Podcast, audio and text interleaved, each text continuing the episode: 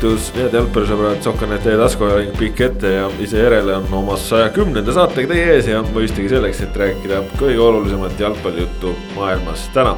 minu nimi Kaspar Ellissaar ja minuga siin täna Rasmus Voolaid. tere. ja Ott Järvela. tere, tere.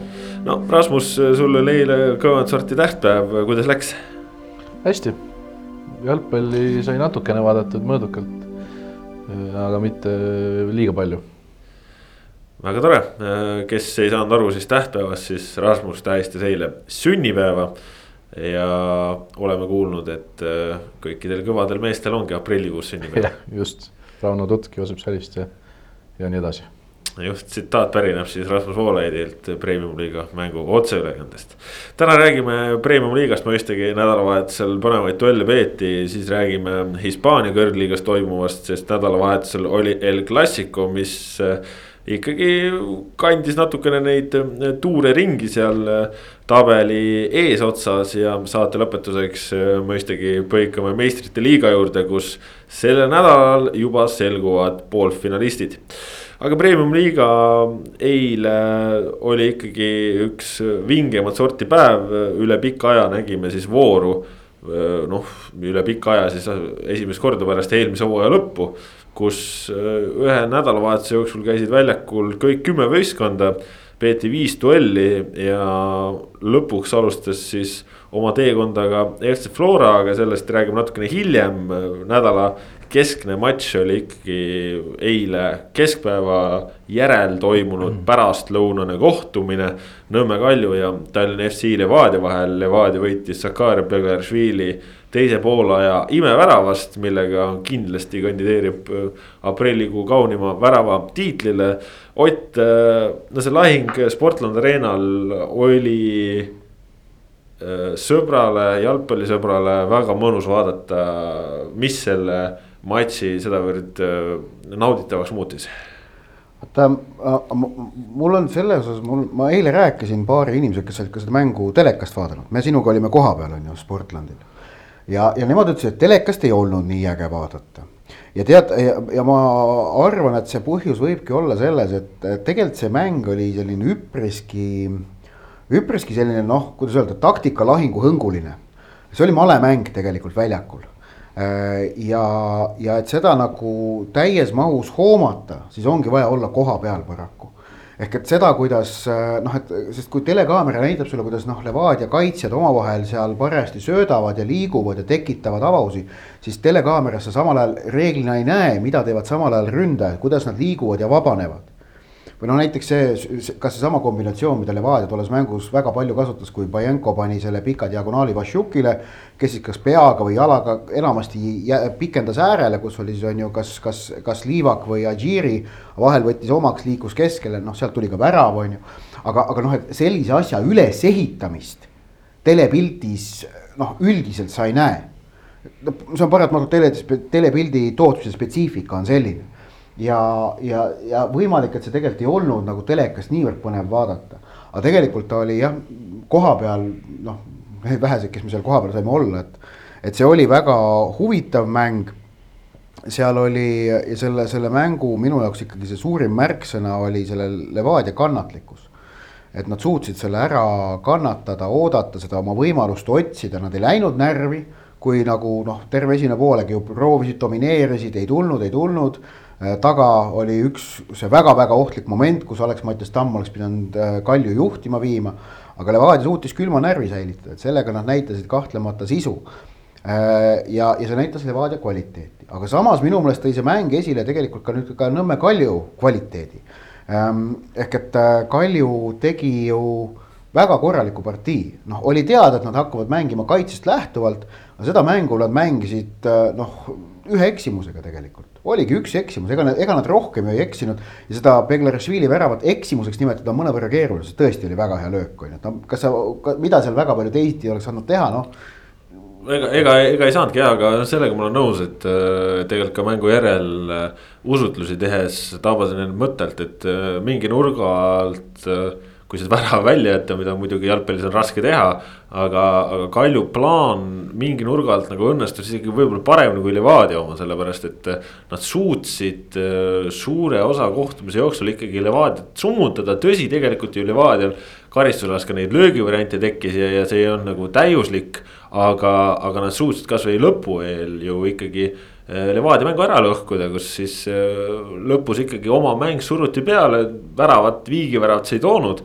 aga selle nurga alt äh, ütleme, Kalju üllatas ikkagi positiivselt. noh, oli teada, et nad on ju selles mängus see pool, kes, kes jookseb ilma pallita ja kaitseb ja, ja noh, Mikk Reintamäe ju ütles ka mängu järel, et meil on oma taktika, nendel on oma taktika, aga tegimegi teadlikult sellise valiku. ja mis on väga okei okay.. just ja, ja noh, selle nurga alt nagu väga ette heita ei saa, aga tõesti see kannatlikkus on, on väga hea märksõna ka mulle endale. jäi ta nagu silma, et, et Levadia ei loobunud plaanist. ja noh, tegelikult äh, kokkuvõttes see töötas, sest see plaan on ka piisavalt paindlik, et ei ole vaja minna ainult äh, söödukombinatsioonidega üles, keskel küll väljakul ju kasutati väga palju ülekaalu. aga siis ongi samamoodi diagonaalid ääre peale, pikem pall, noh. Need asjad töötasid. rääkides nüüd murekohtadest Kalju vaatevinklist, no lahkab Kaljut veel veidikene, et siis äh, standardolukordade kaitsmine oli Kalju jaoks äh, probleem tegelikult. Levadia nurgalöögid, Levadia nurgalöögid olid ohtlikud ja, ja noh, Pajenko oleks pidanud seal esimesel poolel kindlasti tegelikult värava ära lööma ühest sellest ja, ja see on, äh, see on Kalju puhul ja eriti Frantsevi Kalju puhul ebatüüpiline, et standardites äh, kaitses hakkama ei saada. siis jah, okei okay,, see, et Levadia seal ikkagi noh, äh, esimesel poolel ka mitmed võimalused või poolvõimalused tekitas, noh, see on nagu loogiline. seal natukene saab midagi paremaks teha. aga suures plaanis siis ikkagi, mille ma tõin ka oma selles reportaažis luup peale välja, on see, et Kaljul on vaja leida nüüd variant, kuidas Amir Nato oleks ikkagi väljakul sellepärast et äh, ilma temata seda on, on, jääb, jääb neid variante ikkagi liiga väheseks, palli hoidmine on keerulisem. ja, ja neil on vaja leida nüüd kuidagi see moodus, eriti niikaua, kuni Homutovi pole tagasi veel vigastuselt. kui Homutov tuleb tagasi, siis äkki noh, kui tema on platsil, see annaks ka nagu sellist, kuidas öelda, noh klassi sinna väljakule juurde, no Natol on klass, no ei ole midagi öelda, on klass, no ta on Eesti liiga tasemel ikka väga hea mängija. no vaata, see eelmisel nädalal ma juba ütlesin, et, et see võib nagu Kalju jaoks väga saatuslikuks saada, kui, kui peatreener ja, ja võistkonna parima kvaliteediga mängija omavahel ei ole nagu samal lainepikkusel, et see. noh, pikas plaanis sööb neid iseennast, et, et kui sa ei suuda oma satsist maksimumi välja võtta, siis noh, sa ma, ma saan aru, et sul on oma käekiri ja iga treener teebki oma valikuid, aga ju noh, kus sul on. seal on, seal on nüüd küsimus, et kuidas ta ära mahutada äh, sest et äh, Kaljut no,. koht on ju idee poolest olemas, kümne no, peal on koht Kaljut olemas. teatavasti segab ikkagi ka KTM küsimus. ja noh, selge on see, et, et KTM-ide pingereas hetkel Alex-Mattias Tamm on selgelt number üks ja, ja noh, ta on nagu igati mänginud minu meelest ka oma kohta välja. et okei okay,, jah, eilses mängus ta ei löönud seda värava võimalust ära mis on jällegi noh, asi, mille, mille järgi ründajaid hinnatakse, aga suures plaanis ta mängib oma koha väga kenasti praegu välja. Äh, tema eelis on see, et ta on tegelikult mitmel kohal kasutatav, et, et ta on kasutatav ju ka äärel, teda on äärel mängitud ja. kuigi ega see ei ole tema koht ja seal tema, seal tema tugevused nagu väga välja ei tule tegelikult. nojah aga on. ta on võimalik, suur, pikk, tugev ründaja, kes ei ole mingi välkkiir. kas ta Leegioni vastu oli järel vist, siis yeah. seal ta ja, ei olnud liiga hea. seal on võimalik seda asja ikkagi natukene modifitseerida, ehk et kui sa teed oma mängu natukene seeläbi ümber, et sa näiteks pikad pallid panedki sinna ääre peale rohkem ja. ja noh, või, või siis ta mingil hetkel liigutad teda rohkem keskele, noh, kõiki selliseid asju saab tegelikult ju sättida et okei okay,, tamm on sees ja nüüd on see, et aga sul on vaja teist KTM-i ka algkoosseisu, eeldame, et nad seda esimese minuti vahetust enam teha ei taha, sest et noh, tegelikult see on vahetuse raiskamine, see ei ole mõistlik. et siis äh, noh, kas, kas teine KTM on kas äh, Usta või on ta Paur või on ta Edur? no Edur on praegu minule üllatuseks täiesti selge neljas KTM valik, mis ja, on väga-väga üllatav, ma ütleksin. no nii ja naa, ütleme nii, et äh, Frantsevile meeldivad tema kaitsjad, keda ta tunneb pikalt ja keda ta on usaldanud. No,. ehk, ehk et ilmselgelt jah, et äh, ta nagu kaitses ta muudatusi teha ei taha, nii et ma arvan, et Eduril sinna äh, põhisse saada on keeruline, siis teiseks noh, väga kindel on ka selge on see, et Maarin on vasakul äärel. Et ta on toodud Kaljusse põhimeheks, ta on Kalju väga stabiilne, kõige, kõige, kõige stabiilsem ründaja ja. või ründemängija, ütleme niimoodi tema kindlasti alustab. keskvälja põhjas äh, kaks äh, seda kaitsva poolkaitse kohta, noh sinna ka ei lähe ei Paur, ei Usta ega Nato sinna. ehk et nüüd ongi sul küsimus see, et, et kui sul nagu tamm on üks, et, et, et noh, näha seda, et sa paned Usta või Pauri ja Tamme ja NATO platsile, siis see ainuke võimalus on see, et Volkov tuleb pingile jätta. ehk et sa paned Tamme ründesse paned NATO number kümne peale ja paned Pauri või Usta teise äärde äh, Maarinist no,. ja Volkov tuleks jätta pingile. no ja see, see saatus on ju tegelikult Volkovil mitu aastat kaljus olnud, et ongi. ta on seda päris hästi täitnud ka. kuigi, kuigi siis, kui ta seda hästi täidab, siis on pidevalt küsimus, et miks see mees ei alusta ja,. jah, jah, et, et, et, et need on nagu noh, küsimused, mida NATO algkoosseisu mahutamine, mida see nagu endaga kaasa toob. et seal, seal noh, seal on sundvisked Äh, seal on sundvisked äh, Kaljul, et äh, noh, nii, neil on see, et tead nende nendest neljast KTM-ist kolm esimest on kõik ründavad mängijad. Tamm, Paur, Rusta, et sa allpool tal nagu Frantsevil KTM võimalusi ei ole jah, kui ta edu, kui ta muidugi eduri paneks põhisse vasakkaitsesse, ta lahendaks endale väga palju probleeme sellega ära tegelikult, väga palju probleeme lahendaks, lahendaks ära. ja, ja noh, see tähendaks, on ju noh, keskkaitses äh, noh valikuid on mitmeid, Kulinitš läheks äh, parem kaitsesse ja Markovitš liiguks keskväljale äh, Subbotini kõrvale ilmselt on ju. Äh, noh, kuhu ta, kuhu ta veel Babitševi paneb, on ka omaette küsimus, tal on selle jaoks ka erinevad variandid. Babitšev ikkagi on rohkem poolkaitsja kui keskkaitsja. jaa, absoluutselt ja noh, tegelikult siin on ju huvitav näha, et ta on nüüd ongi, kui ühel hetkel Babitševi tõi, tõi keskväljale on ju siis, mis, mis ongi tema koht ja Markovitš äärekaitses, siis Markovitš ja Kulinits on äärekaitses, Avilov on selge usaldusalune. Samal ajal Janis Tšivelikidis on tagasi tulemas ja Veremejevit on ta ka keskel kasutanud, ehk siis. Kaljul nagu kaitsjaid on, et mm -hmm. see seal nagu seda peavalu tekib, aga noh see, see KTM samamoodi, aga noh, me ütleme, et Kalju probleem ikkagi praegu hooaja alguses on see, et nad ei löö väravaid, et Rasmus, kui, kui.... ainult Kuressaare on sama vähe löönud okei okay,, Flora, Flora, kes on ühe mängu pidanud. jah, Rasmus, kui sa, kui sa mõtled äh, Kalju ründajate peale selle valikule, et siis noh jätame poolkaitsjad, kaitsjad, väravaid välja. aga kui me mõtleme puhtalt ründajate peale, et äh, mitmendad äh, nii-öelda premium-liiga üldjärjekorras Kalju ründajad oleksid, kui me võtame, et Floral on Zappinen, Floral on Zenjov, Ojamaa ja nii edasi. ehk siis Volkov ja Tamm ja Paul Usta või no,? kolmik põhimõtteliselt. Volkov, Tamm näiteks ka tipuründajate, kui me vaatame tipuründajaid. no esinelikus selgelt kõige kehvemad äh.... seda me Kaspar Eeli juurde küünil arutasime natuke. jah, et siis. No Leegioni. Leegionist kehvemad, pigem. Tammekas paneks vist ette ikkagi. paneks ette jah pigem no, paneks ette. Mätas, Koskor on praegu ikka. Nad, nad on kuumad, nad on kuumad küll. ja Veelmaa on ka seal olemas. noh, ma võtaks seda, et noh, et võtame selle ründaja positsiooni. ründaja, ärme ää, jätame ääred kõrvale, ründaja on see, kes no seal lõpus peab viimistlema, et noh. Floral on Zappinen, Paidel on Anier, koondislased. Levadial on Kristevski, kes, kes küll praegu noh, eile küll ei löönud, aga no, no väga on, selgelt on, ikka, on kõva. on kõva, on, on muidugi kõva Äh, siis võtame edasi, Tammekal on Koskor ja Mätas. ja no ta on praegu ikkagi no,. ma olen nõus hetke vormi põhjal on ta kindlasti ees. Volkovist, Andreev on tasemest Volkov... Volkovist kõvem. no muidugi jah. ja lisaks on veel Šapovalov. kes no. nagu noh, on tõusnud mm. -hmm siis äh, ja siis läheme tulevikku, nüüd on kas Kristjan Kask või äh, Aleksandr Volkov, et, et noh. no siin on Volkovil, ma paneks Nikelise jah. nojah, aga ütleme, see on nagu selline asjalik võrdlemiskoht et noh, et äh, Vaprusel ja Kuressaarel pole sellist ründajat panna, kes nagu selgelt oleks nagu Volkoviga võrdväärne. ja noh, ja Narva Transi Kolovjov praegu oma nelja väravaga. Kolovjov on ees seal. ees muidugi, no vot. Et... aga, aga Volkovit tuleb vaadata, noh, noh, saab vaadata on ju selle hooaja mõne mängu lõikes, aga Volkov minu jaoks oli ikkagi põhimõtteliselt ainus mängija, kes eelmisel aastal Kaljus oma taseme välja mängis.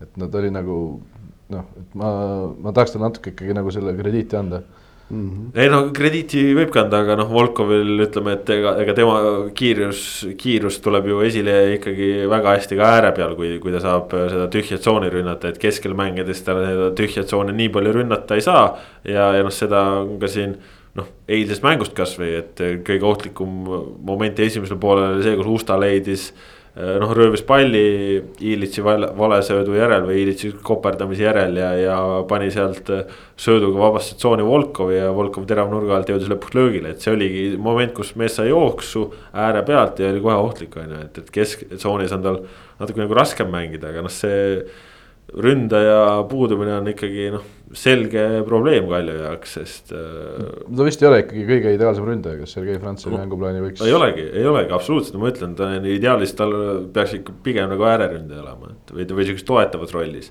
aga noh, Tamm jällegi, et noh, kehaliselt on tugev, aga noh. me ei ole veel premium liigas näinud seda kvaliteeti, et ta lööks stabiilselt väravaid, et äh, see on ju lõpuks see valuuta, mis, mis selles tippmängus maksab nii on. jah, aga noh, Levadiast veel rääkida, siis noh, nende puhul see koosseisu noh, paksus on ikkagi ühtepidi probleem ja teistpidi ei ole ka, et võistkond mängib praegu väga hästi, on ju, et siin nagu küsimusi ei ole, aga. aga kui sa vaatad seda pinki ja kui sa vaatad veel neid mehi, kes pingile ei mahu eile, siis ei mahtunud pingile näiteks. Premium-liiga üks enim mänge mänginud Markus Jürgenson sinna ei mahtunud koondislane Karl Rudolf Õigus, sellepärast et äh, Levadia oli küll planeerinud, et äh, õigus alustab algkoosseisus. aga kui nädala jooksul selgus, et Tadžiri on parem, siis otsus oli see, et noh vahetusest äh, teame ka koondise rindel, et õiguse sekkumised ei ole nii edukad olnud, Vassiljev täpselt niimoodi ütleski. see oli väga äge, no väga äge ausus nii-öelda. et sul õiguse puhul oli valik, kas ta alustab või ta ei mahu koosseisu. ei ole valikut, et ta jääb pingile just ja siis on veel seal Dolordavad ja noh, rääkimata Lukovitsidest ja Juunistest ja, ja Komlovitest ja, ja nii edasi, aga noh, see. on selles mõttes noh, paras väljakutse, kuidas hoida kõiki mehi nagu õnnelikuna, samas. see, et, et sa tead, et kui sa ei mängi oma taset välja, siis sa kaotad ka oma koha, see on selle tuhhi ikka väga lakka jäänud.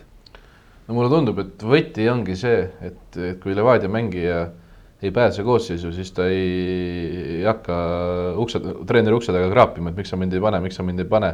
et nii kaua, kuni see nii-öelda vibe püsib selline, et sa jääd koosseisust välja, siis saad aru, pead rohkem ise tööd tegema, mitte ei ole seda, et kurat, miks ta mind üldse ei pane. nii kaua, kuni, kuni ei hakata mossitama selliste asjade peale, siis on kõik väga-väga hästi. jah, ja natukene. aga, aga see on ka praegu on ka selge, et nelja mängu järel on leppida lihtsam kui juba neljateistkümne või kahekümne nelja mängu järel, kui siis ka ikkagi mingid vennad arvavad, et. mis see Vassiljev eile ütles sulle, et maikuus tuleb palju mänge, et siis saavad kõik võimalused yeah,. Mm -hmm. Neil on karikas ka ees muidugi jah, neil on karikas ju. ei no, no ja... ma, maikuu on üldse paljudel klubidel sihuke kaks, kaks mängu nädalas graafik, aga noh. Flora vist on hooaja lõpuni kaks mängu nädalas no niimoodi ennääris jah aga, aga selles, selles mõttes natukene on minu jaoks üllatav olnud, et et praegu Mark-Oliver Roosnup, kes on ikkagi noh, stabiilselt mitmeid hooaegu ikkagi sihuke väga korralikud resultatiivsuspunktid seal poolkaitses mängides ära toonud. et ta on praegu noh, valikus ka Robert Kirsist äh, selja taha langenud ja, ja, ja ei tule üldse neid minuteid, et äh, see on päris, päris üllatav, sest äh, noh, oleks ikkagi. Roosnupult oodanud võib-olla tänavu veelgi enam sellist kandvat rolli, aga aga noh, praegu ongi, et olukord ongi lihtsalt niivõrd tihe. nojah, ebareaalne on seal, see on isegi üllatav, et mingid mehed on, ongi ennast nagu nii kindlaks põhimeheks mänginud, et neid, neid ei roteeritagi, et ütleme yeah Achirit äh, tahtis, mõtles roteerida, ei õnnestunud, aga nagu seda ei, ei näe juhtumas praegu, et Vašuk või Saka üldse pingile peaks jääma. no Vašukile eelmine voor on ju koondise järel anti puhkus. no see oli koondise järel. Vašuk oli ikka väga hea eile. ta on super ja, ja üllatav, natukene üllatav oli see, et teda sihuke kümmekond minutit prooviti ka, ka tipuründes, et äh, Sküzurahovski sisse toodi, et. Äh. ta ja, ja ta mängib nagu noh oleme ausad, tema, tema suhtes nagu alati on olnud küsimus see, et, et äh, selline küsimärk number üks on olnud tegelikult nagu distsipliin äh, er,. Er, ma räägin seda erinevatest rakurssidest, nii, nii mänguline kui väljaku kõrval, noh, sellega on tal karjääri jooksul erinevad on ju mured olnud, et praegu noh, täiesti nagu mustersportlane äh, vähemalt see, mis me väljakul näeme yeah., tegelikult ka töötab kogu aeg mm. kohusetundlikult, ei tegele väljakul mitte mingite lollustega okei okay,, see, et vahepeal näitab natuke iseloomu, see ei ole lollustega tegemine, see on nagu normaalne. ehk et ta, ta on väga selgelt fokusseeritud mängule. ja, ja ilmselt ikkagi see, see koondise laager, mis laager, noh koondises olemine ja seal ka kolme mängu pidamine A-koondises. MM-valikmängudes algkoosseisu kuulumine on andnud Vassiukile, paistab ikka sellise väga selge nagu tõuke, et ta annab talle endale ka, paneb mõtte liikuma, et, et siit on veel võimalik äh, nii, nii mõnessegi kohta minna. aga et selle jaoks peab ise on ju noh hoolikalt tegema, praegu nagu väga head märgid minu meelest. ja Vassiljev eile ka mängu järel rääkis ka natukene Vassiukist ja, ja noh, ütles ka, et kui siin.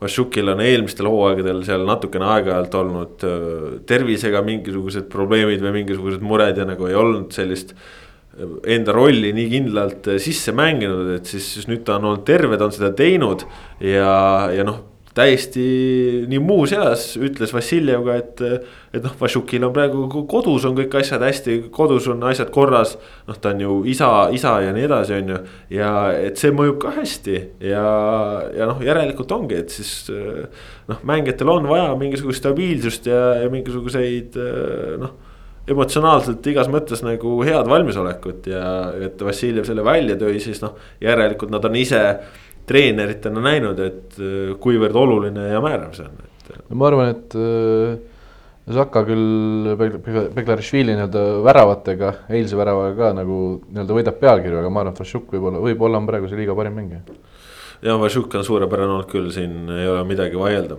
aga läheme selle mängu pealt siis edasi, Levadia tõesti oma täiseduga jätkas ja, ja noh, näitasid ka nüüd suure vastase vastu, et äh, nendest seda sisu on, on kõvasti, saame näha, kuidas edasi, aga tiitlikaitse Flora alustas ka siis lõpuks hooaega kaks-üks võit äh, Leegioni üle ja.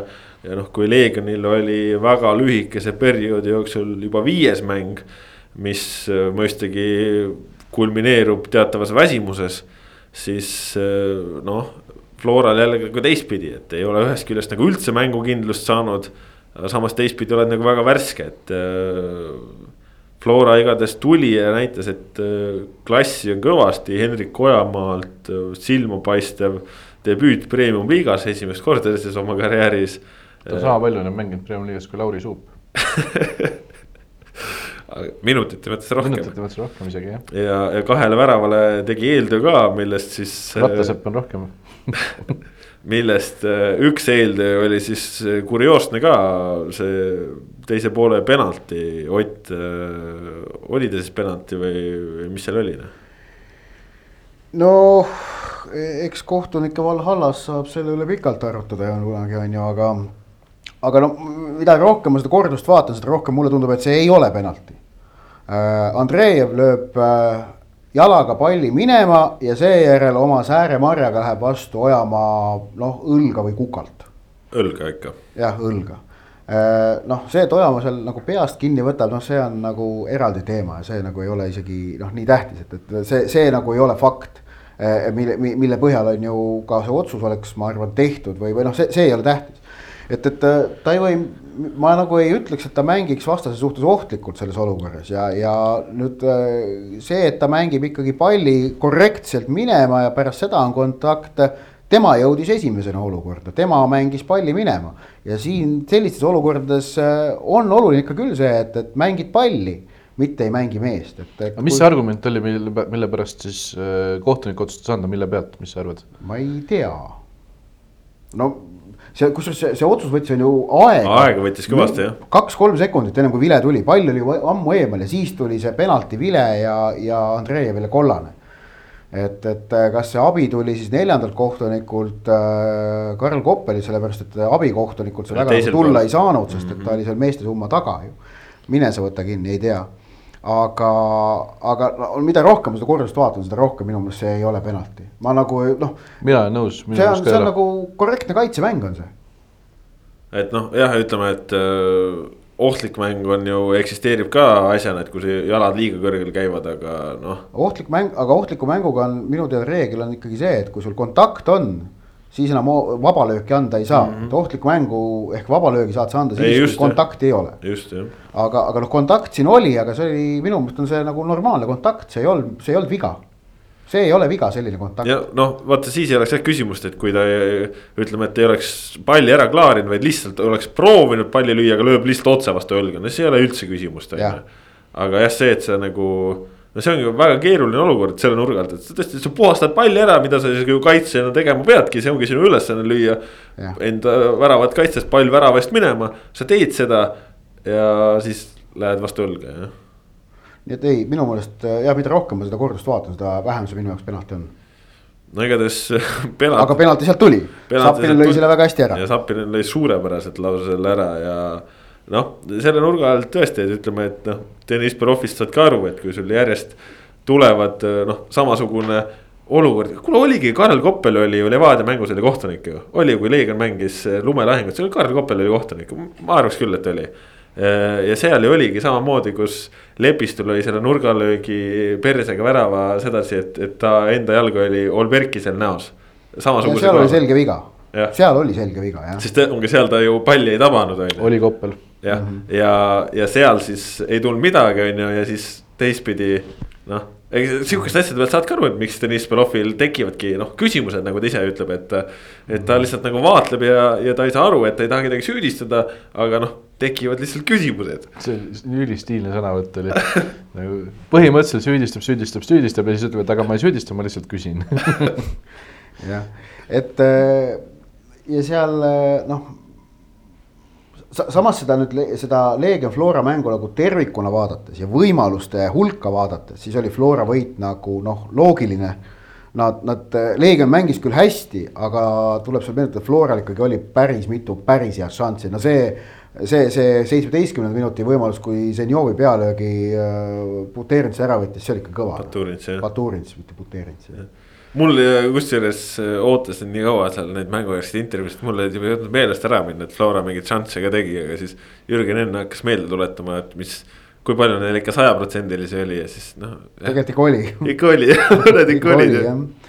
et, et äh, aga, aga noh, Leegion, mis, mis ma selle hoo eel ütlesin, et Leegionist saab, saab kõige ägedam sats, keda Premium liigas vaadata enam-vähem, no, no nad on seda Neid on iga mäng praegu huvitav vaadata ja nüüd tuleb mäng Kuressaarega reedel ja jälle on huvitav vaadata. sest noh, nad ei ole niivõrd kindlad ja tasemel, et nad mänge klassiga ära võtaksid, aga samas nad suudavad kõikidele väga väärikad lahingud anda, noh. Neil on kolm mängu e eelmise aasta esinelikuga, kolm üheväravalist kaotust, üks viik. noh, tegelikult kõik väga korralikud mängud olnud, mitte midagi ette heita ei ole. absoluutselt, aga noh, Belov ütles, et enam pole vahet, et kes vastu tuleb nüüd edasi ainult võidu peale, et siin ei ole enam ei, ei ole nagu ruumi mitte eksida ja noh, nagu ta ütles, et kui ta vaatas vastaste mänge, siis noh seis ei tundu perspektiivitu et, et noh, selle, selle nurga alt huvitav, aga noh, Sander Puri tahaks ikkagi kiita täitsa. sööd Šapovalovile, no noh, on, on ikka, vot see on ka klass. mulle meeldis see, kuidas ta tegi pigem mingi konksuga Vassiljevi ja vist oli Zenjovi vahelt läks mööda, jomba ei joo. ja see oli ka vägev aga jah, aga noh, Flora puhul nüüd tõsi tuleb öelda, et, et, et noh, et ei olnud see kaugeltki nende nüüd on ju parim esitus. selle, selle hooaja parim on seni aga noh, et see oli nende nagu sellest, ütleme maksimumtasemest kaugel. aga arvestades siis asjaolu tõesti, et võistkond tuleb kuuajalise sisulise tegevuspausi pealt äh,. on võistkonnana koos treeninud mõne päeva, siis kõike seda arvestades äh,. ja noh, mõeldes, et palju nagu loogiliselt võttes Flora võib siit paremaks minna, siis äh, noh ei ole nagu, ei tasu nagu Levadial arvata, et, et Flora jääbki sellisele tasemele, Flora paneb siit veel kõvasti juurde ja läheb iga mänguga paremaks. Rauno Sappin tegi väga huvitava asja, kes sellist asja ette näinud varem, kuidas ta sealt vasakult äärelt sisse tuli. ja Lassi Sinjavskilikult natuke seda tagumist ristnurka otsis pigem ebatavaline. pigem väga ebatavaline. aga noh, ütleme, et koondise pealt on tal hea mälestus, kuidas ta sealtpoolt. sealt oskab lüüa küll jah ja aga see esimene värav, kui penaltit kiitsime, esimene oli ka ikka Sapinenilt ikkagi meistriklassi. aga muidugi Ojamaa sööt ka. väga hea sööt muidugi jah, jah, aga, aga või noh, kogu rünnak oli suurepärane, aga, aga Sapinen väga enesekindlalt vasakule. Sapinen ja Anier mõlemad on näidanud ka premium liigas seda, et, et see, et nad noh, nagu nad koondises mängisid väga hästi mõlemad. et, et noh, mõlemal ongi praegu väga hea vorm ikka jah Sapinen ju lõi seal superkarikas ka ju. ja, ja noh, Ojamaa see sihuke kindlus palliga, võimsus ja, ja, ja driblamisoskus ikkagi torkas ka eile silma, teda rapiti väga kõvasti, tehti ta vastu vigu äh,. aga noh, see, kui õnnestunud ta oma kõikidest need duellidest välja tuli. huvi pärast vaatasin enne hommikusöögi kõrvale Instati ka ja ütlesin, Ojamaa ei ole nii kõrget Instati nagu numbrit näinudki omal tükk aega karjääris, et äh, õnnestus tal see mäng päris hästi, aga. no Instati numbrid, see on ikka parajad aiateibad. ei, ma, ma pean peamiselt silmas seda, et kui palju ta näiteks duelle oli palju ta võitis neid okay,. see, see, nagu... see, aga no see Insta, Instati indeks, no see on ikka no, see on noh jabur. ei no sinna ütleme, peab nagu koefitsiendiga suhtuma, aga ütleme, et noh, eilse mängu puhul sa said aru, et miks ta, miks ta okay. nagu Ojamaa nii kõrge. ta teenis väga arvukalt karistuslööke, see oli minu arust nagu põhiline näitaja eile tema puhul. ja, aga mida ma Ojamaa kohta tahtsin öelda, et äh, nii palju, kui ta praegu Eestis mänginud on siis äh, mulle tundub, et temast kujuneb ka Eesti kohtunike jaoks selline mõnus peavalu, et äh, noh, on näha, et Ojamaa on pikalt välismaal mänginud, pole saanud nautida seda olukorda, kus on võimalik oma emakeeles suhelda kohtunikega ja. ja no tal oli ikka, tal oli ikka eile nagu stiilseid momente, et ta, ta küsis seal aeg-ajalt Tohvri käest, et kuidas on jälle, et ma olen maas, et miks sa kaarte ei anna. siis Tohver vahepeal peab teda rahustama, siis lihtsalt äh, noh, Ojamaa seal jookseb mingi mööda äärt, nii muuseas jooksu keskel, neljas kohtunik, aga miks sina siin oled umbes mingi, et et miks sa mingit infot edasi ei anna ja et mis sa siin üldse teed ja. no siuksed nagu noh, kõik on nagu viisakalt, kõik on nagu stiilselt tehtud, aga, aga noh, saad aru, et noh. Kohtunike jaoks kindlasti mitte kõige lihtsam lihtsam mängija. et seda oli nagu ka kihvt vaadata ja noh, mis oli veel kihvt Ojamaaga seoses meenub. oli see esimesel poolel Sanja Dmitrijev oli oma, vanad on vist kolmkümmend üheksa endiselt veel või? oligi seal kuskil parema ääre peal sööduga, oli andmas söötu ja tegi jalaga söödupetteid, mingi kolm tükki tegi järjest. Ja Ojamaa, kes on siis Dmitrijevist no circa kümme aastat noorem ja umbes neli korda kiirem nagu ootas nende petete peal nagu distantsilt, ei, ei tahtnud minna nagu palli ära võtma, sest mõtles, et aga äkki Sanja petabki mind ära siis mõtlesin nagu, et sa, sa oled nii palju kiirem, et miks sa peale ei lähe. aga noh, Sanja, see kvaliteet on lihtsalt nii suur, et sai rahulikult teha ja lükkaski söödud ja tuli sealt välja, et. et Leegion mingitel hetkedel väga hästi tuli nagu survelt ka söödukombinidega välja, et Töömov ka. vahetati küll lõpus välja, aga ma ütlen, Töömov ja, ja Sanja Dmitrijev. see duo seal keskväljal on ikka väga võimas olnud, et seda on nagu vägev vaadata ja noh, ega Jürgen Henn ka niisama ei oleks seda keskvälja mängujärjega kiitnud, et äh, noh. Šapovalovil ka esimene värav nüüd Premium liigas kirjas. jube huvitav mängija on Aleksandr Šapovalov, jube no, äge. pürgile tegi ikka päris võimsalt. seal küll väravat ei tulnud selles olukorras, aga noh, tundus, et pürgil oli juba pall käes seal kaheksandal minutil. aga siis Šapovalov ikka läks mööda, et see, see väledus, see esimeste sammude kiirus, see on täitsa muljetavaldav. Šapovalovi puhul on räägitud ju seda ka, et ta on siukene staaritsev ründaja, kes ei tee kaitsetööd või midagi sellist, mina ei ole sellist Leegionis sellist Šapovalovit näinud. see on ikka suhteliselt nagu distsiplineeritud mängumees isegi ju. ja, ja, ja nüüd ütleme noh, teatud isekus on ikkagi ründajate puhul ja nagu vajalik, vajalik just nimelt. ning jah. teine asi ka see, et, et ründajate noh, nojah, sõltub nagu võistkonna mänguplaanist, aga noh me näeme ka maailma jalgpallis, et on teatud ründajaid ja ma ei räägi ainult nagu tippründajatest, noh, mingitest noh, noh, noh, Messi ja Ronaldo näiteks, aga, aga ega mujal ka, et ikkagi teatud hetkedel antakse ka mänguplaanis ette nähtud, et mingid ründajad ei pea kas mingeid ülesandeid niivõrd saja mm -hmm. prossaga täitma, et neil oleks seda plahvatust nendeks olukordadeks, kui pall on nende valduses. no Šapovalovi plussid on ilmselgelt noh, avalduvad siis, kui pall on nagu tema valduses, et noh, teda tuleb nagu nendeks olukordadeks säästa nii võistkonna kui ka tema enda poolt, et see on nagu igati mõistlik noh, me nägime seda, mis, kui Šapovalov sai palli keskväljale, tal oli ruumi joosta. mis siis juhtuma hakkas, Flora oli paanikas ju noh. Paide vastu tema ju teenis selle penalti, mille Sanderpuri välja ja. kätte sai, noh pool, pool läheb sealt Šapovalovile. ja absoluutselt, noh, ta on üldse, ta on praegu igas mängus, kus ta mänginud on, ta on mingisuguse neljamehelise soolo teinud põhimõtteliselt, et. jah täitsa nagu. Kalju vastu läks ja võttis ka ju ette, see läks niimoodi tšah, tšah, tšah, tšah. et see on täitsa ulme jah. kõva see on kihvt jah.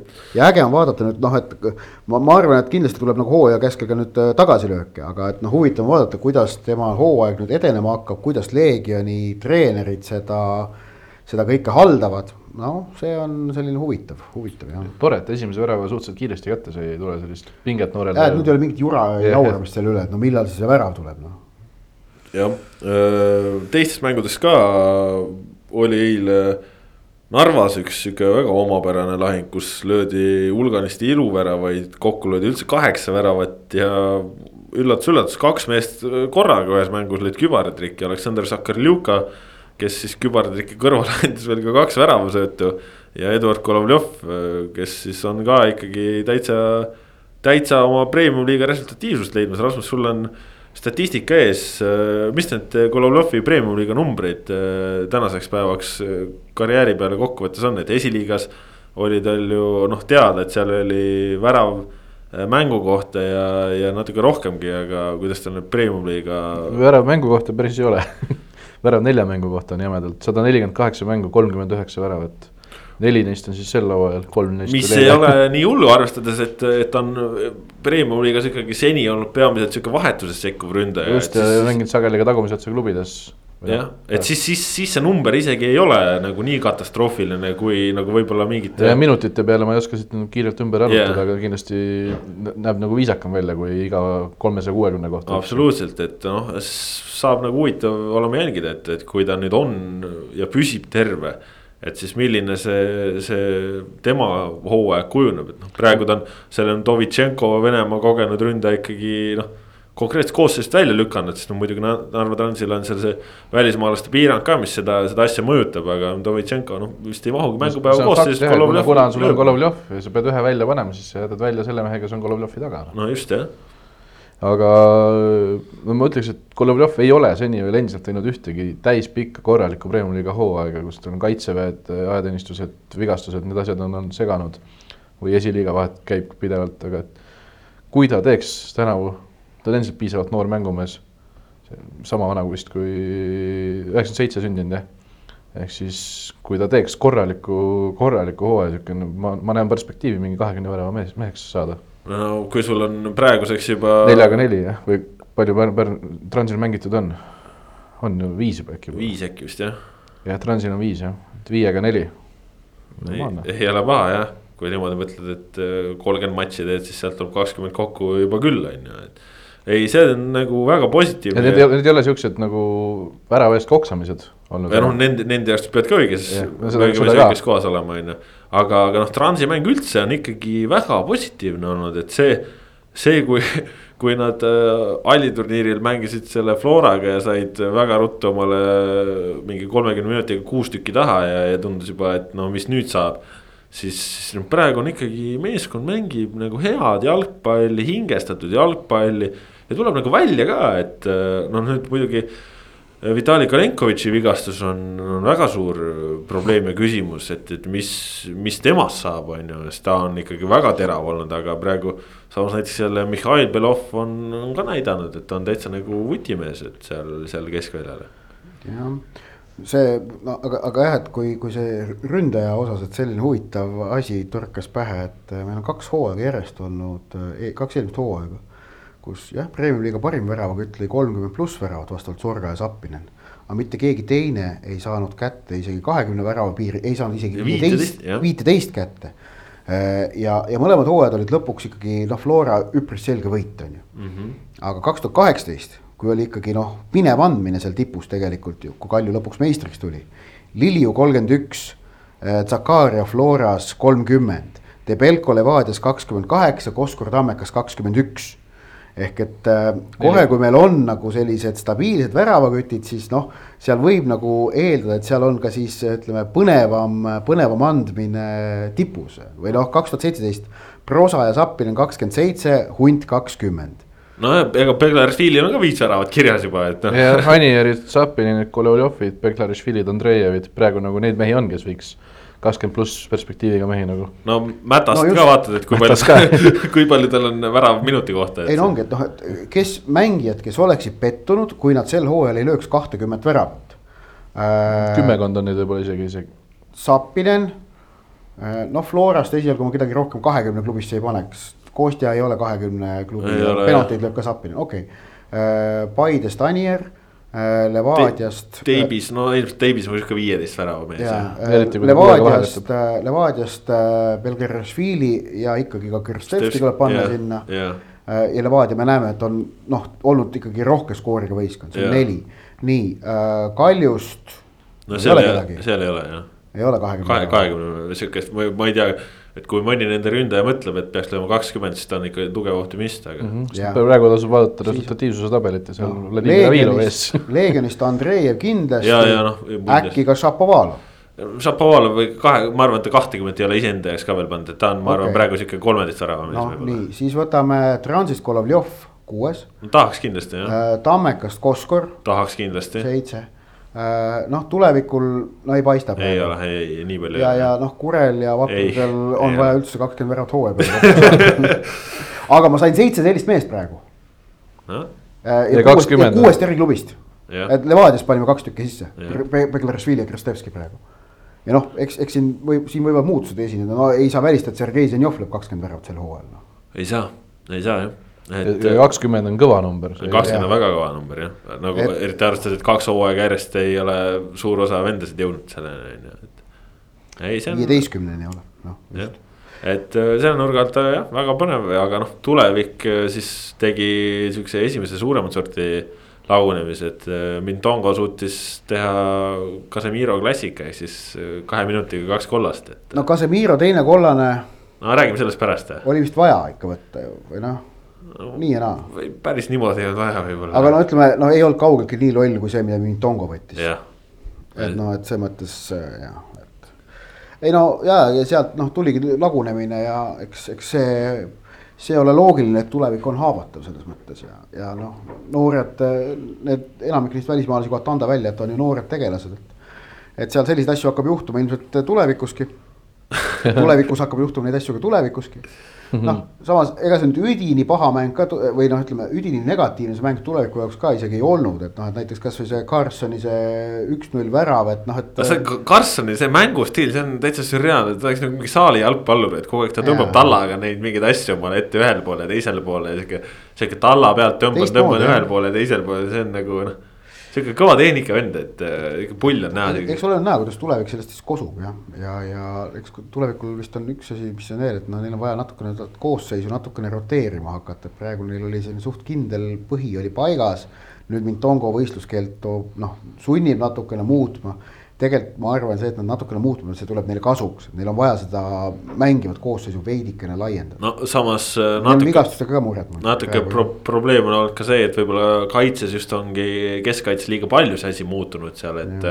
et Juhkamit ei ole, siis on Babatunde Juhkamit oleks Atan- taga vaja- tagasi vaja. Babatunde Atanda, siis on äh, Petrunin Atanda, noh, see ei nagu ei, ei veena et noh, et ilmselt Petrunin keskväljale läheb sinna Mintongo kohale äkki ja, ja Babatunde ja Tanda jäävad taha noh, võib-olla ikkagi ka Tanel Langil tekib suurepärane võimalus mängida oma naturaalset poissat, et no, kellel see- võib ju ääre, äärekaitset lükata no, küll, seda ka eks seal variante oli mitmeid ja noh, Juhkamit nad muidugi ootavad tagasi, et noh, neil on sellist äh,.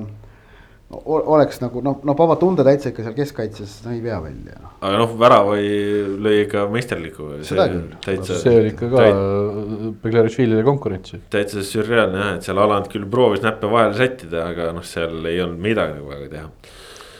ja, ja lihtsalt numbreid vaadates on päris karm praegu tulevikul asi, viimased kaks mängu kaks kümme väravat vahe.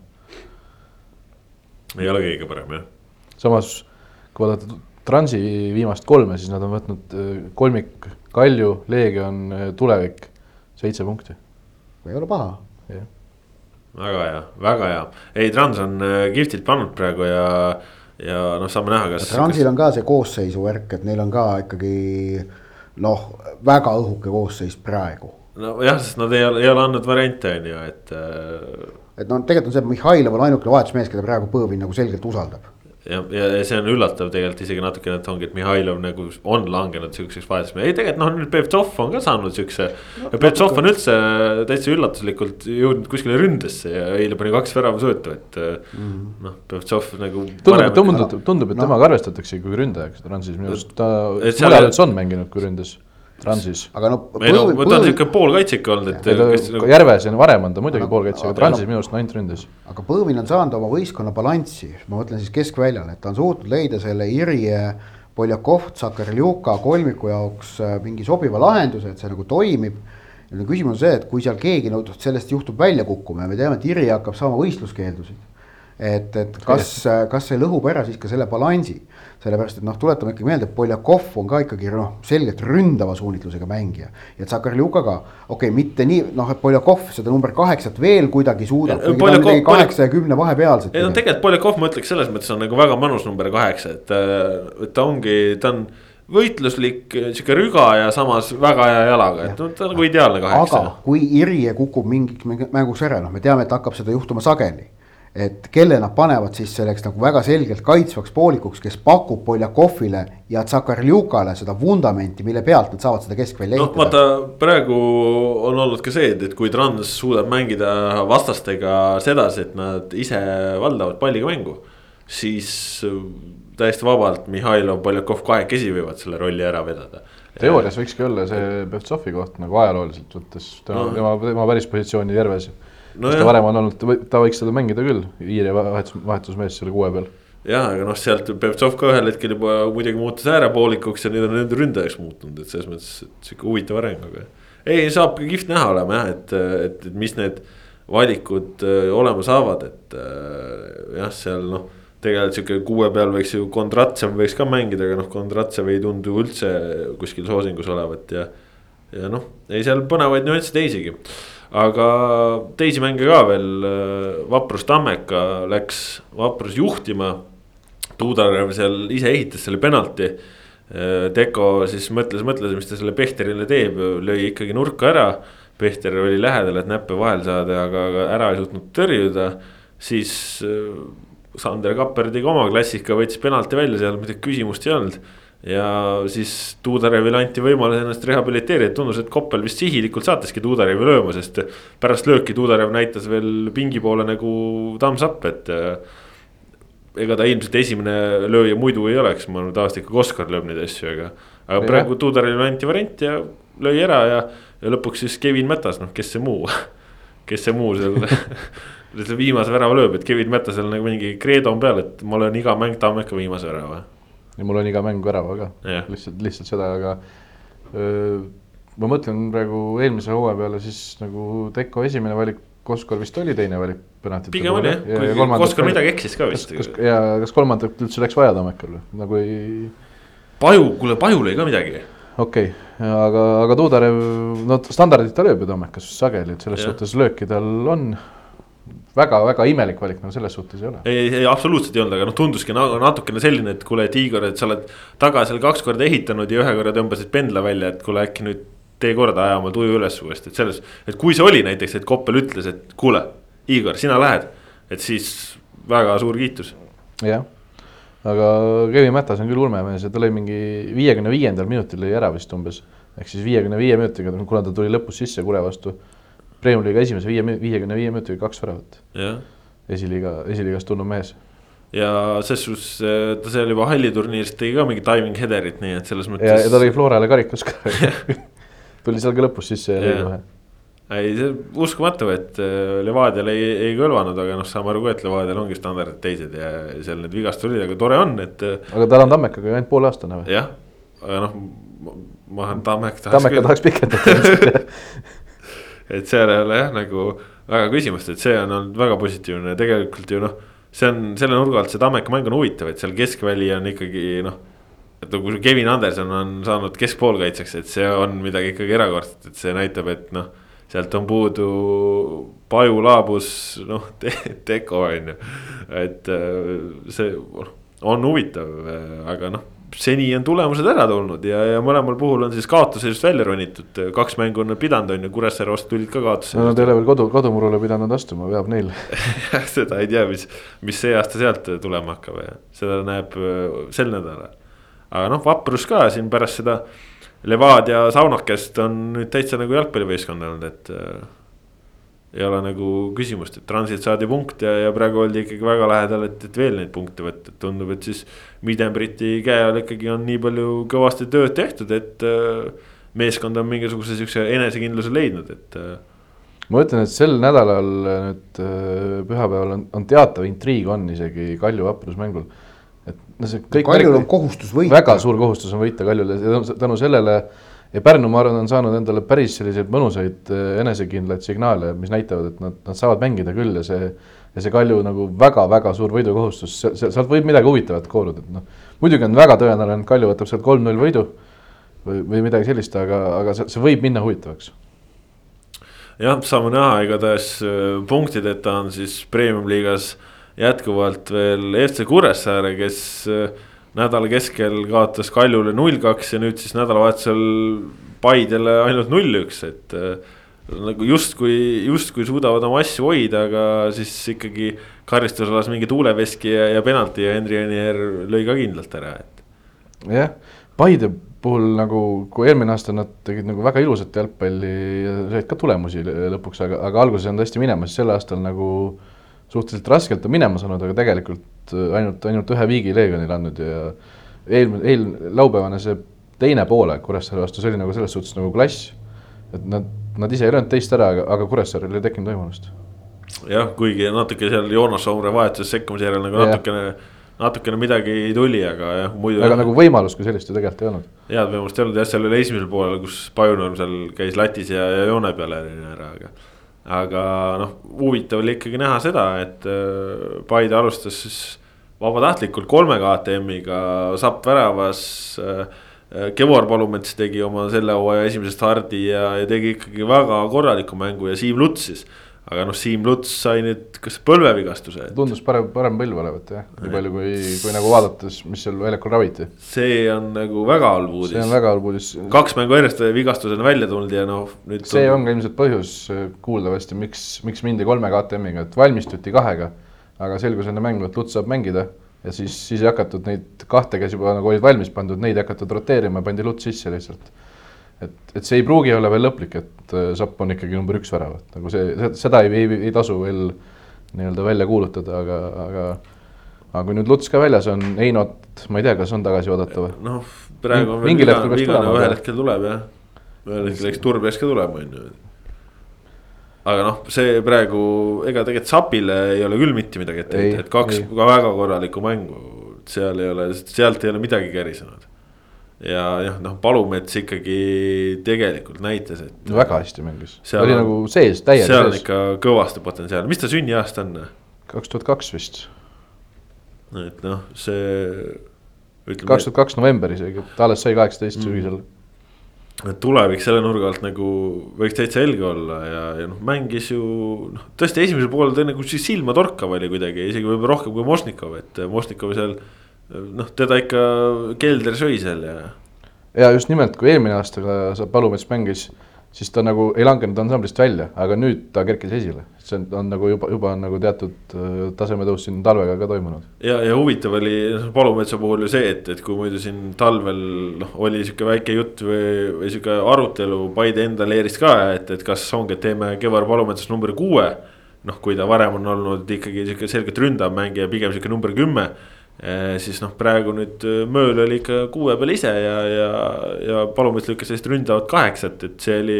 noh, sobis talle võib-olla isegi ikkagi paremini, et, eh, et tal on seda kreatiivsust, loovust, et hea vasak jalg on ka. ja vasak jalg väga korralik jah, et noh, ongi, et kui sa oled kaheksateistaastane kutt ja sa annad standardolukordades, noh nii nagu Henri Välja toona. just nimelt Henri Välja jah. et siis noh, see nagu näit-, näitab, et oled mingeid asju elus seni trennides hästi teinud, et ja noh, Anier on endiselt kuum, taga null on ju, selles mõttes. Anier on kapten. ja Anier oli kapten ka jah. et no, no Paidel on hea, et ei, ei, ei mängi nad tõesti praegu ju mingit sellist väga metsikult head jalgpalli, aga võidud on kätte saadud praegu noh, okei okay,, Leegioni vastu ei saadud, aga, aga noh, kokku kümme punkti neljast mängust pole hullu midagi. Leegioni vastu Viik ei ole ka nüüd nagu mingi piinlik asi, et. jah, seda ka. see ei ole jah katastroof jah no igatahes. kuigi nad olid esinelikust ainukene, kes Leegioni vastu võitu kätte ei saanud, muudusest esinelikust.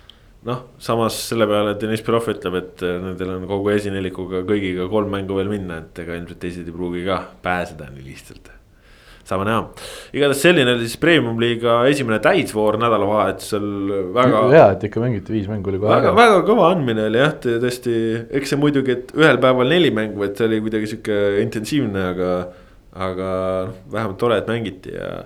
ja loodetavasti nüüd jääb see liiga ikkagi ühtlaselt jooksma ja suuri muresid enam ei tule, et. et see oleks ju kahtlemata hea. kuigi noh, ega siin äh, Ott, mis see oli, Aivar Pohlak rääkis sulle intervjuus ka, et äh, praegu plaan on ikka kolmkümmend kuus panna edasi, et. praeguse seisuga jah. ja noh, eks siin tegelikult, eks seda jooksvalt hakatakse vaatama, sõltuvalt asjaoludest, kas, kas ja kui palju keegi siin veel juhtub mingisse isolatsiooni langema. Ja, ja noh, siis noh, tegelikult seal suur no ilmselt no see, see, et pärast novembrikuu koondise pausi edasi mängitakse, noh, see on suhteliselt nagu teada ilmselt on ju aga seal siis noh, võtmekoht on see, et kui juhtub see, et mõni Eesti klubi noh, võime rääkida mõni Eesti klubi, noh, reaalne on see ainult Floral, kes mängib, on ju, meistrite liigat ja eh, sest noh, Euroopa liigas või selles konverents, konverentsi liigas mängivatel klubidel on vaja vist neli vastast alistada, noh seda naljalt ei juhtu. Et kui juhtub kuidagi alagrupi turniirile jõudma, et siis muidugi on kalendriga tuuga, et, et siis tuleb hakata kuskilt kärpima. ja mitte eurosarja alagrupi turniiri arvelt jah, no see on ikkagi eestlase jaoks praegu veel uh, uskumatu tulevikumuusika, sellepärast et uh, reaalsuses Flora on siis esimesest tõkkest üle saanud ajaloo jooksul siis tänaseks nüüd kolm korda või? just, aga samas kaks hooaega järjest, mis nagu tekitabki noh, ootuse. Et, et, et midagi sellist võib juhtuda, kui Flora saaks tänavu hakkama samaga, mis eelmine hooaeg ehk et alistab kaks vastast.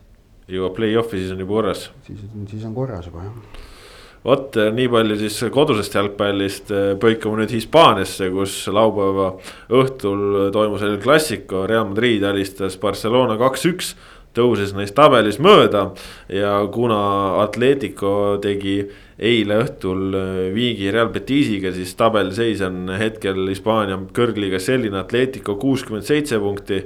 Real Madrid kuuskümmend kuus punkti, Barcelona kuuskümmend viis punkti ja Hispaanias siis äh, võrdsete punktide korral loevad omavahelised mängud, Real edastab omavahelistes mängudes nii Atleticot kui Barssat.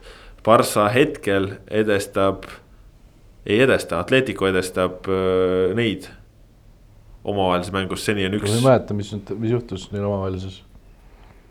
jah ikka Atletico võitis või, kus, kumb pidi see oli nüüd siis? Atletico Barca üks mäng on veel ees. üks mäng on ees jah, see, see on veel määrav, aga kuidas see. kuule, võta no, meil uudis. ma kohe ütlen. no jaa, aga no seis on see, et, et. Atletico võitis üks-null. just, ikka niipidi oli. kuuskümmend seitse, kuuskümmend kuus, kuuskümmend viis on praegu tabeli tipp ja see on kõva. see on väga kõva. seal aga... läheb, seal läheb andmiseks. aga El Clasico oli, oli ka noh mänguliselt esimesel poolel Reali poolt ikka uskumatult kõva, see Benzema värav. tõesti kõva oli. no see Benzema värav, see on super see on super, ei ole no noh. ja, ja Karim Benzema on ikkagi no, no ta on ikkagi maailma selles mõttes üks alahinnatumaid jalgpallureid et ta tegelikult on ta nagu maailmas ikka noh, niivõrd kõvas tipus, aga noh, temast ei räägita kunagi selles kategoorias ei nagu, räägita, nagu, nagu nendest teistest, et noh. no palju jääb nagu Benzema reaalselt Levanovskile alla ja milles, no, no okei okay, natukene kuskil, aga no tegelikult kaugeltki mitte niivõrd palju, kui, kui on nende kahe tähelepanu erinevus. ja, ja seejuures noh, seal ongi, seal on ründaja tüübi erinevus, et kui äh, Levanovski on selline vana klassikaline number üheksa, kes koksab kõiki neid palle sisse. siis äh, Benzema on ju nii liikuv ründaja et ta on sisuliselt nagu segu number kümnest mängujuhist ja, ja tipuründajast. ja, ja sellega tema mõju Reali rünnakutel on veel, veel palju suurem, et see on noh. sellise nurga alt hästi-hästi huvitav, aga tõesti noh, praegu ta on ikka tormilises hoos, tassib Reali, lööb neid väravaid ja noh, see kannaga noh, super, super algus El Clasicole ja. see on hull klišee, et, et Benzema on mängija, kes teeb teised enda ümber paremaks, aga Benzema on reaalselt, ongi mängija, kes teeb teised paremaks. jah, et ta, see te, tema meeskondlikkus, et okei okay,, et ründaja peab olema isekas, on ju, aga see, kuidas ta suudab kombinida ja teha, noh. see on, see on kihvt vaadata ja noh, Barcelona oli esimesel poolel ikkagi täiesti mannetu, teisel poolel siis sihuke noh sihuke Oscar Mingueza mäng oli noh, üldse sihuke. see, kuidas ta ajas Viniciust äh, taga esimesel poolel niimoodi, et pea oli kuklas, et järgi jõuda. siis teisel poolel lööb säärega värava ja siis seal lõpus öeldi mingeid asju, et sihuke nagu kihvt vaatamine, aga. ülihull rünnak oli veel seal esimesel poolel, Valverde post oli vist ja, ja. Siis, ja siis teine pall oli Lukasel või? Vaskesil, kelle Ter Stegen hea tõrjega ära tõi. see oli ka ikka täitsa sürrünnak ja, ja noh, muidugi Realil nüüd äh, see koosseis, mis on niigi sihuke rohkem mehi laatsaretis kui, kui treeningväljakul, nüüd läks ainult hullemaks, et. ütle, ütle ka minu kui Liverpooli poolehoidjale, kas äh, peaksin natukenegi vähemalt optimistlikum olema pärast äh, Vaskesi vigastust ka või? kindlasti jah, et Vaskes see hooaeg teinud ikkagi, no ma julgeks öelda, et elu üht kõige võib-olla stabiilsemat äh, hooaega, et ta on nüüd sel aastal saanud ootamatult parem kaitseks või noh, eks teda on seal. Zidane juba varem teda natukene koolitanud, aga, aga nüüd äh, sihukest äh, paremkaitset ja wingback'i mõnel üksikul korral ka ääreründajat mänginud mees on. uskumatult stabiilne olnud, aga see kokkupõrge jah, seal teisel poolel põlvevigastuse tõi. hooaeg peaks läbi olema ja tegelikult huvitav on siin see, et suveks on ka Lukas Vaskese leping Realiga läbi, ehk siis eh, kas ta saab nüüd sellises olukorras eh, lepingu pikenduse või mitte, et seal on vanust juba, seal on kvaliteeti. noh, eks sõltub eh, kui natukene ilmselt ka sellest, et, et millised plaanid Realil Zidane'iga on, et eks seal ju ka kuulujutte on, on kogu aeg. aga noh, saab huvitav jälgima olema, et Realil jah. leping on tal kolmekümnenda juunini vist on ju? jah ta saab esimesel juulil saab kolmkümmend, ehk siis päev pärast lepingu lõppu on tal kolmekümnes sünnipäev. noh, jah, et äh, siin on üldse praegu ütleme, et äh, meistrite liiga kontekstis on Realil isegi parem seis kui, kui liiga kontekstis, sest liigas.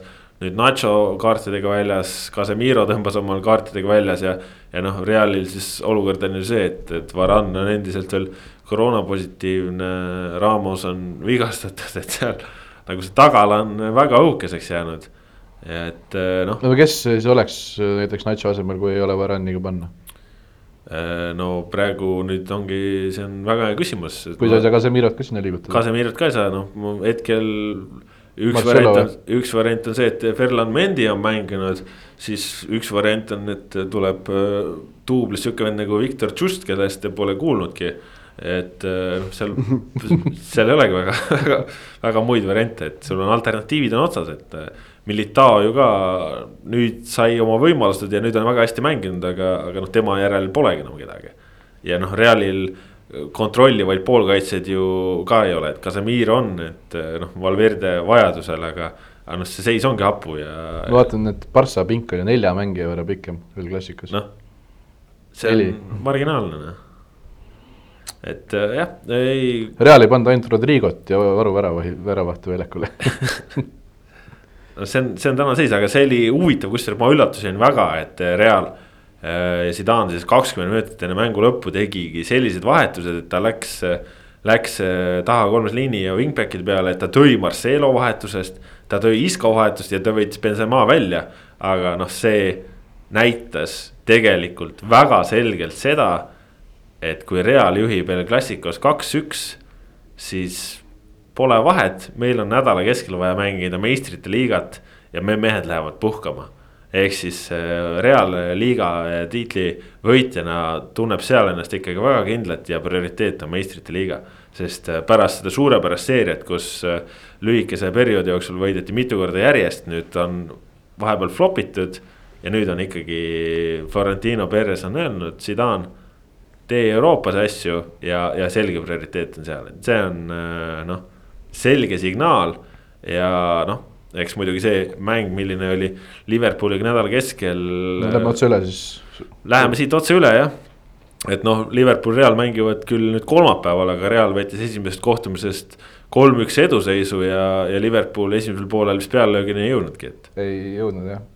täiesti sürreaalne, vot see oli ka jälle üks esimene poolaeg, jälle üks esimene poolaeg, kus, kus sa ei usu seda, mida sa näed sest no sa, sa, sa ei, sa ei kujuta ette. nii et... halba Trent Alexander-Arnoldit, noh, et ikka see oli ikka, see oli ikka fenomenaalne, kui halb ta. oli, oli kohutav jah kusjuures see ei olnud minu jaoks kui Liverpooli mänge näinud inimese jaoks üllatav, ma arvasin, et see oli siin mõnes, mõnes liigamängus ka juhtunud, kus mingi Brightoni vastu null-üks kätte saadi, tuppa saadi, kus tehti ka ülihalbasid esimese poolega, siis ikka mingi paar lööki on kuskilt tehtud, mitte küll raami, aga, aga no. aga, aga Reali vastu null no, no, meistrite liigas, kus no. sul on võõrsil väravat vaja tegelikult aga noh, siis lõpuks tuligi teisel poolel esimest korda mindi pealelöögile, saadi kohe värav ka on ju mhm et, et see väga väärtuslik võõrsilvärav Liverpooli jaoks äh, tuli kätte, aga noh. ainus julgustav asi Liverpooli vaatenurgast on see, et nad mängisid nii halvasti ja kaks-null aitaks veel. et enam hullemaks ei saa minna. et, et nagu nii halvasti ja üks, üks värav saadi kätte ja üks-kolm ei ole, noh mm. kaks-nulliga saaks minna. absoluutselt. see, kuigi keskkaitsjaid vaadates ja Trent Alexander-Arnoldi mängu vaadates ei tundu tõenäoline, et, et taga nulli hoitakse, aga, aga no et sa pead uuesti Benzema vastu mängima, et see ei ole maailma kõige lihtsam asi. jah, aga noh, samas Zidane ütles ka ju klassiku järel, et see on täitsa hull, mis seisus me oleme, et me oleme surnud, noh. reaalselt ei ole mehi, mehed on väsinud äh. lihtsalt polegi kedagi väljakul panna.